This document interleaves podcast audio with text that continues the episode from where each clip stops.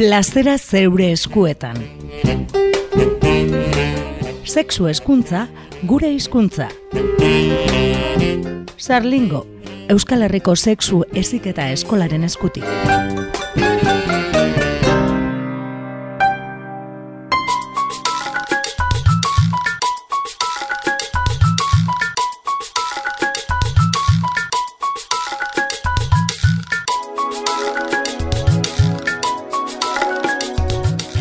Plazera zeure eskuetan irratitartea irekiko dugu Bilbo iria irratian.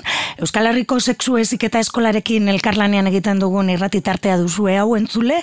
Sexologia gaiak izaten ditugu, e, mintzagai, gaurko nere ausnarketarako tarte handia irekiko dugu, eta horretarako, ba gure handitugu, e, Amaia Urrejola eta Mikel Oribe sexologoak, haupa. Kaixo bane.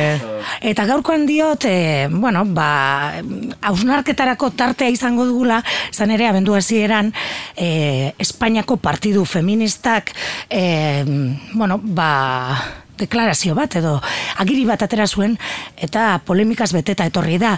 E, izan ere Izquierda Unidan barruan daude partidu hori Izquierda Unidak ere bueno, ba, atzera botadu edo agiri hori.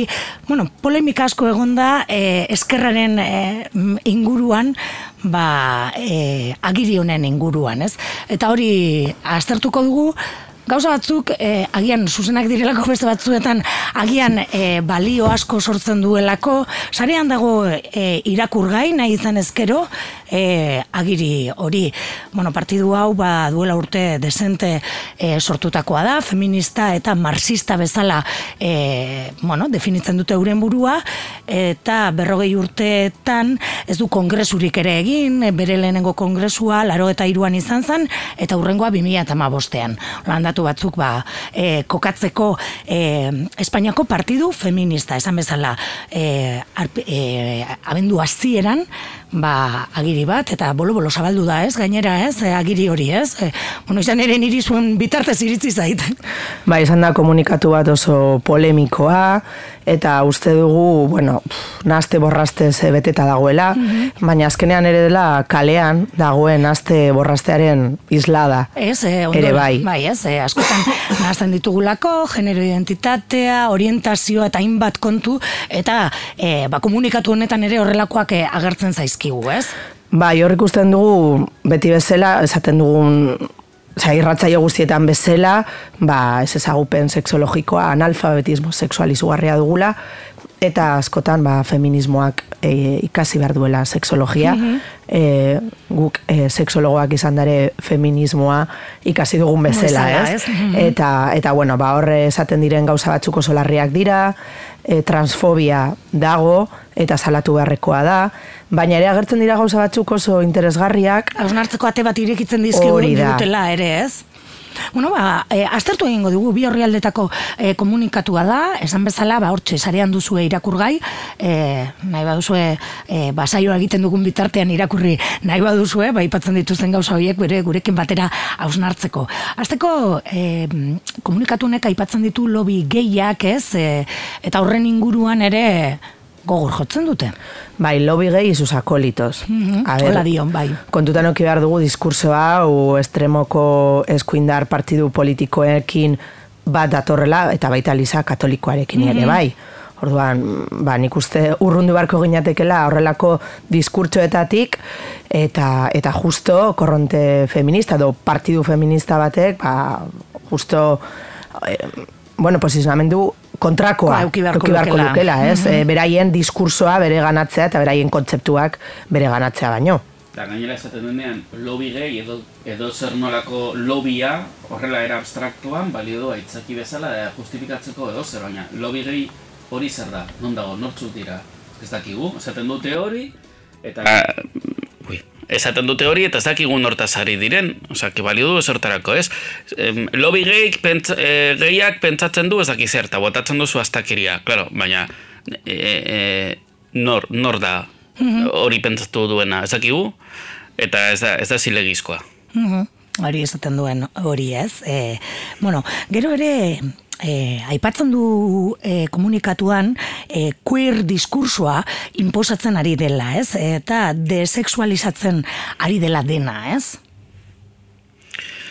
Bueno, queer teoria, teoria filosofiko politiko bat da, mm -hmm. egia zan e, e, LGTB mugimenduan elkarte batzu queer teoria berenganatu dutela, baina beste batzuk ez, nik uste dut gehienak ez. Mhm. Beraz, e, e, alderdi honek egiten duena identifikatzen LGTB mugimendua queer teoriarekin, ez dato... Biak nahazten ditu, ez? Nahaztu egiten ditu, hori bai. ez da zuzena. Eta korronte feminista batzuk ere bai, e, queer teoria bere ganatu dute, eta, eta bueno, dena nahaztuta dago, ez? Azalduko dugu pizka bat entzuleak kokatzeko queer teoriaz e, diardugunean, e, bueno, zer, zer dan teoria hori? Bueno, muinean dagona da, azkenean emakume eta gizon kategoriak e, zuntxitzea da helburua, ez? Nola baite gizona izatea edo emakume izatea gure, gure gizartean, bihurtzen dela azkenean, ba, gure kontra doan kategoria bat, e, elkar bizitzarako e, arriskutsua bihurtzen dena, eta bai emakumene kontrako indarkeria legitimatzen duela, eta baita LGTB kolektibaren kontrako indarkeria legitimatzen duela. Mea, klaro, mm, emakumeak eta gizonak ez existitzearen atzean, ba, uste dugu dela, azkenean, e, ondorio oso, oso, oso simplista bat, eta beste arazo sozial batzuen aurrean dauden mugimendu sozialek diskurtso simplista hori eraikiko balute, ba, atzera botako luke jendarteak. E, eta ez bakarri jendarteak orokorrean, baizik eta ere bai intelektualak, feministak, eta LGTB mugimenduko partaideak ere bai. Baina badirudi hemen nola izaki sexuduna garen eta sexu identitateari buruzari garen eta nola analfabeto sexuala garen, ba edo zein esaten dugu eta balio duela. Mm Ez? Bai, azken finan amaiak esan duena, batez ere da emakume gizon kategoriak zuntzitzea, baina oroar kategoriak zuntzitzea da, queer teorien atzean dagoena, ez? Eta hori filosofikoki o politikoki potentziala handia dauka eta ausnarketa izugarri potenteak e, egitera gonbiatzen digu, baina errealitatean e, bueno, batalka egiten du e, adidez biologiarekin, mm hauek ukatu egiten dute biologia ez, esaten dutenez e, biologia determinista omen denez, eta biologia ez de, determinista, mm kondizionatu egiten du, kulturak bezala. Mm Bueno, eta horretan dabiltza, e, gure ikuspuntu, seksologa garen einan, ez dauka queer teoriak, ez dauka inolango, mm, ez luke izan behar inolango eraginik errealitatearekin, bakarrik hausnarketarako, eta bai, hori, hori ere aipatzen duzu, ez? Hausnarketarako bai. bide batzuk ere irekidetzakelako, ez? Baina seksologia ikuspuntutik, ba, bueno. Claro, adibidez, eh, transgenerismoaren e, alde daude, ba, ba, klaro, baina azkenean ulertzen badugu benetan pertsona oro e, izaki sexuduna garelako ditugula ezaguarri maskulinoak eta femeninoak, mm ba, klaro horren alde gaudela, ez, azkenean e, gure kulturan eta garai historiko honetan emakume izatagatik gutaz espero dira gauza batzuk, mm errealitatearekin ez daukatela zer ikusirik.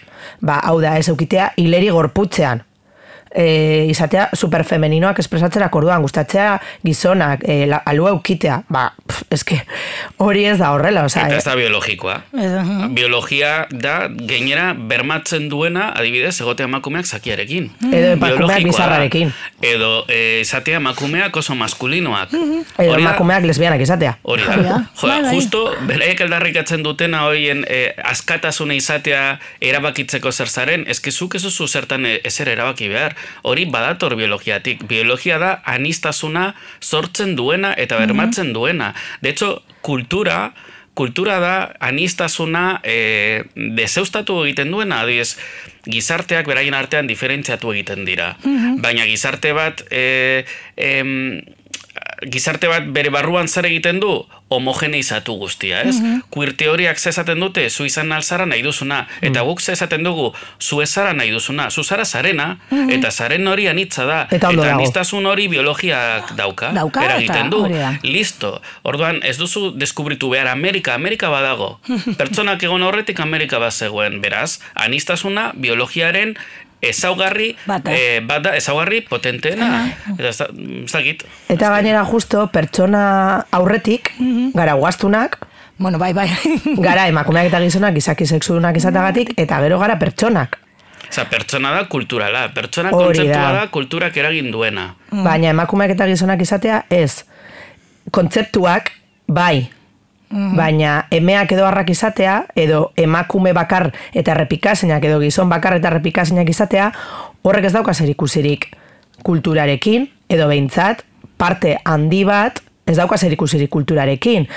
Esan nahi duna, dudana da, badirudi, ari garela egiten apurtu bat Grezia garaian e, hasi zen korronte filosofiko ura, ez hau da, pertsonak e, kontsideratzea jainkoetatik gertuago gaudela animalietatik baino. baino, bai. Ukatzen Orduan, genuen. ukatze, ukatzea gure alderdi, anim, gure animali alderdia, alderdia, gure ugaztun alderdia, eta gure sexuduna izatearen alderdi hori.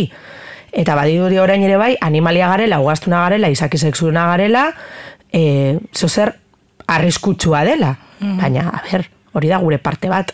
Eta pertsona, kategoria ere da, eraikuntza sozial bat. Bai. mhm. Orduan, bueno, Bueno, hortze bat dago zera ausnartu, e, e, agertzen zaigu ba hori ez, e, e, diskurtso queerra inposatzen ari den hori, e, aipatzen du e, komunikatu honek, eta agian polemika gehien sortu duen, e, bueno, ba, esaldia do parrafoa do esango genuke, edo ideiak izan dira e, aur transexualen inguruan esaten dutena, ez? E, hori bai, nik uste dut hor bai, gainera hortik etorri dira kritika larrienak, ez? Bai, transexualitatea ukatzen dute, e, ez bakarrik e, ukatzen dutela, osea, ukatzen dute sexualitate infantila, e, adibidez, Extremaduran, e, bueno, ba, parlamentuan e, ume batek guztien aurrean e, aipatu zuen bera neska transexuala zela, Bai, eta bere ederra bota zuen, eta oso aipatua gainera izan zen, hori da, ba, gurasoen kontrako salaketa bat jarriko dutela, Epaitegitara bidaliko dituztela diote. Bai. Diskurso izugarri transfoboa eta eta oso oso arriskutsua. Arriskutsua, bai. Baina hauek ez dute bakarrik eh, umeen transexualitatea ukatzen, e, helduena ere bai. Hau da, ze badaude beste e, movimentu batzuk, inkluso LGBT elkarte batzuk, te, te hori dutenak ez, LGB elkarte batzuk, bai ukatu dezaketena umeen transexualitatea, baina ez helduena zergaitik. Berain ustez, transexualitatea printzipio e, au, mm, filosofiko politiko badenez, posizionamentu bat munduan, ba umeek ez dutenez, e, e, Tasun gaitasunik hori, horra ba egiteko. umeek ez dira transexualak, gizonek, e, osea, helduak bai. Baina, hau, ez daukagan esankarik, ez bustanik gure ikuspuntu horrek, baina hauek aratago doaz, hauek ukatzen dute umena eta helduena. Eta emakume transexualei esaten dietena, alderdia haueko kideek esaten die zuezara emakumea zuzara gizon bat. Eta batzutan esaten dute gizon bat sartu dena atzeko atetik feminismoaren kontra egiteko. Eta horrelako diskurtsoak mantendu egiten dituzte, eta azten dira berain artean hitz egiten, eta aratago doaz, eta aratago doaz, eta esaten dituzte boxek esaten dituen astakiri berdinak. Eta niretzako arriskutsuagoa da astakiri hauek alderdi e, Bai, teorian feminista batean, ez? Hori da, ze boxekoek esaten dituzten astakiriak, bueno, ba, jendeak e, e, afinak baldin badira, sinistuko dute, baina besteak ja justo boxak esan duelako, badakigu Ez tontakirak direla. bai, ez dute ez da garrantzirik ematen, Hori ez, da. Hori da. diskurso horri. Baina aldiz hauei, claro, da, Partido Feminista de España. Orduan, entzuten diegu beto, osea, feministak omen dira, dira de talde honetakoak, ba, igual arrazoia dute. Eta horregaitik niretzat Da, arriskutsuagoa arriskutsuagoa izan da daiteke. horrelako mezuak, horrelako eh, foro batetik etortea, ez? Eta batez ere, nazten dituztelako astakiriak beste gauza batzuekin nahiko ondo daudenak. Eta, claro, nazten du- dituzunean gauza egokiak eta desegokiak, Okiak. ba, arriskutsua da. Bai, eta lioan handiagoa izan daiteke, ez? E, horregaitik aztertzen ari gara, ez? Bueno, ba, umen transexualitatearen inguruan esaten ditunak, ba, astakeriak dira dudabarik. E, gero ere, e, ez dakit, aipatzen du, ez? La invisibilidad de la mujer como categoría, ez? E, te, e, testuaren zati da, ez? Bai, hori salatzen du gertatzen ari dela, eta, bueno, karo, batean e, e, Tan arrazoia igual, ez? proposatzen ari dira, ez? Kategoria horren horren zuntzitzea, eta, klaro, hau ere kokatu behar dugu, ez? Nondik dator, ez da lehengo aldia saiatzen direla e, mugimendu feministako korronte batzuk, emakumeak desexualizatzen, Karo, kasu honetan bai emakumeak eta bai gizonak, ez? Baina batez ere emakumeetan zentratuta, irurogeta margarren amarkada garaian ere bai, ba, lesbianak hasi zirenean aldarrikatzen, ba, beraien aldarrikapen propioak zituztela mugimendu feministaren barruan, espazio propioak behar zituztela, eta bar, eta bar, na, karo, izan zen, e, izugarrizko inflexio puntu Bai, bat, ez? bai, bai. Eta, bueno, egon ziren ere apurketak, E, eta korronte diferenteak sortu ziren horren ondorioz. Eta korronte bat izan zen desexualizatzea. Hau da, azkenean kontxeratzen zen sexua, zela saiestu beharreko arrisku bat, eta ez kultibatu beharreko balore bat. Azkenean, beraiek sexua asoziazten zuten, e, sexu harremanekin, mm heterosexualitatearekin, hau da, gizon batekin, e, bikote harreman batean, mm, umeak egiteko koitoa praktikatzearen horren inguruarekin. Mm. Karo, espazio hori emakume askorentzat zen arriskutsua, mm. zen genero indarkeriaren, e, bueno, harreman baten barruan ematen zen. Orduan, sexua ez e, arriskutsua zela genero indarkeria, baizik eta sexua bera. Orduan emakumeak desexualizatu behar zirela, e, hortaz salbatzeko.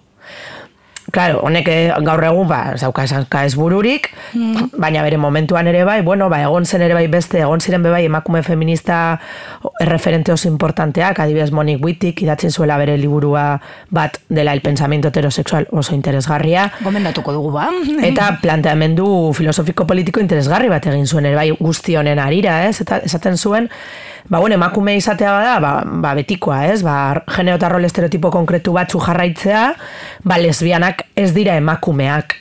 Ze, karo, emakume izatea batez ere zela, heterosexuala izatea. Mm -hmm. bueno, ba, emakume izatea, heterosexuala izatea bada, lesbianak ez dira emakumeak. Karo, horrek izugarrizko ba, impacto okizuen, eta, bueno, ba, pentsarazi zien, e, mugimendu feministako partade, partaide eta bueno, izan zen aurrera pausu bat, ez? Ba, bueno, galdera berriak, erreflexio berriak eta berritzaileak ekartzen dituzte, ez? Baina, bueno, eta badirudi gaur egun berriro, e, Ez dira, ez dira proposamen berriak, dira proposamen mm izugarri zaharrak, bai. baina jantzi berriekin. Jantzi berriekin, ez? Bai, bai. Eta hots e, bueno, ba, justo erreferenteak diren ahots, ahotsetatik entzuten ari garena, mm. ez? Baina, bueno, kontu handia izan behar dugu zer dagoen horren atzean azkenean, ez? Ez azkenean, helduek egin ditzazkete erreflexio politiko-filosofikoak, ez? Mm Eta igual, heldu batentzat e, bere mm, momentu vital horretan bere identitatearen parte garrantzitsuena ez da igual emakume edo gizona izatea mm igual da garrantzitsuagoa aita izatea bai. igual da garrantzitsuagoa mm, lesbiana izatea beltza izatea e, indigena izatea, e, langile izatea niz edakit, ez? Orduan, bueno, ba, igual, emakume edo gizona bigarren plano batean gelditu daiteke, eta gaina izan daiteke erabaki politiko bat, bai, ez? Bai, bai, egiten dana. Hori da, baina umek ezin dute erreflexio hori egin, ez daukate abstrakzio eta simbolismo maila hori, orduan, claro, umeak ez badituzu tratatzen, sentitzen diren kategoriarekin mm sufritzen dute pilo bat, bere burua ez beste egitera heldu daitezke. Bai, bai, bai, ez da broma, ez da broma Orduan, kontua. kontuz, pertsona bezala ezitu behar ditugula, mm ze ume transexualekin, ba, arriskatzen ari gara beraien bizitza, mhm. eta eta arriskuan jartzen ari gara ere beraien familien eta lagunen osasun mentala.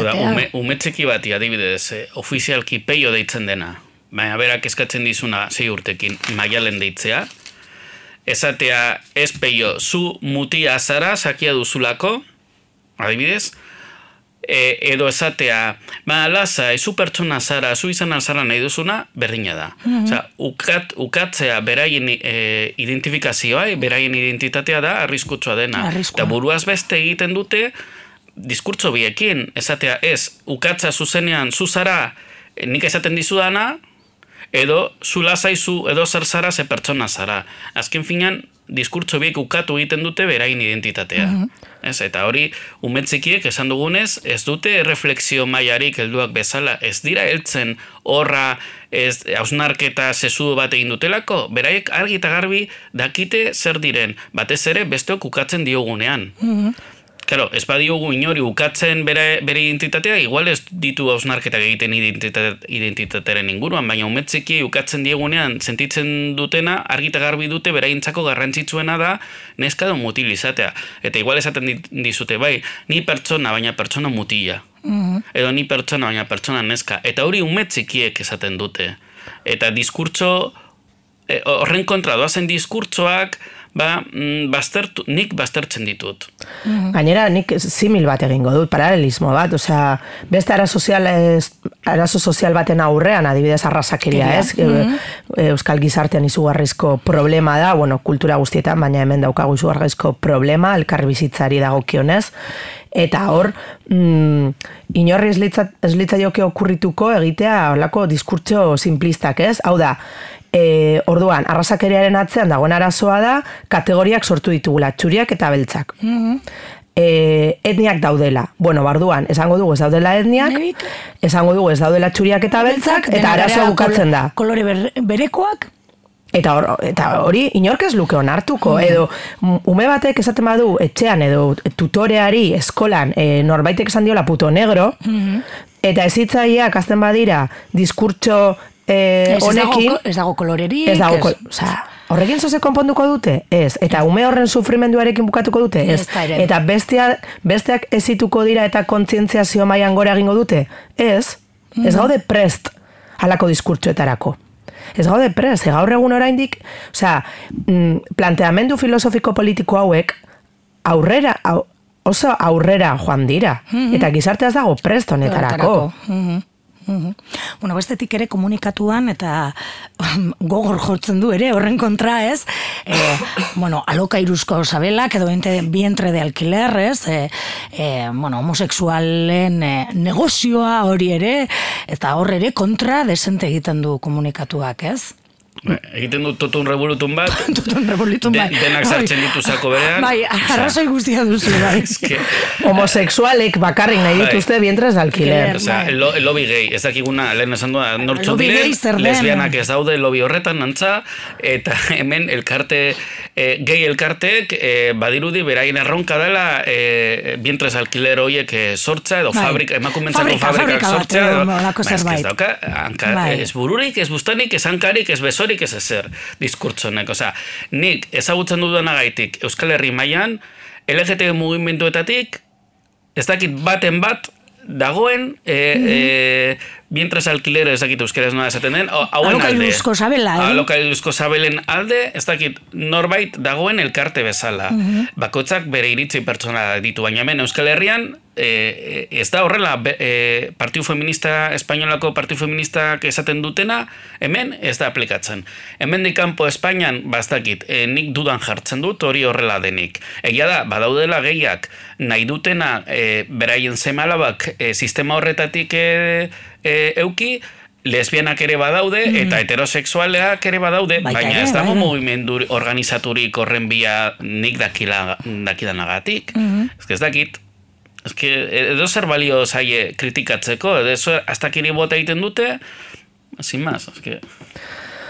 Bai, egia da, izan dela komunikatu bat, ba, gogorra, Gogorra, ez? Eta- batez ere, bueno, feministak garen ontzat, ez? Ze ez gara, bueno, ez gara errepresentatuta sentitzen, egia da ere bai, ba, bueno, ba, mai gainean e, ipintzen dituztela ere bai, bueno, debate garrantzitsu batzuk sexuaren inguruan, izaki sexudunak gara, emakumea gizona izatea zer den, Bai, baita ere aipatzen dut komunikatuak ez, bukaeran eh, kategorien eh, suntzitzea edo, ez? Eh, hori ere aipatzen du. Ba, justo horrekin ados gaude. Bai, kategoriak suntzitu Kasualitatea. genituzke, baina, claro, e, kategoriak suntzitu, gero, milaka kategoria Sortzeko? berri sortzeko, ba, bueno, a ber, Ez ba, esan nahi duena, ados gaudela, beraiek kritikatu egiten dute, eh, emakume eta gizon kategoriak eh, suntzituko direla, honetan gabil, bagabiltza, eta ia da, emakumeak hor arrazoi dute.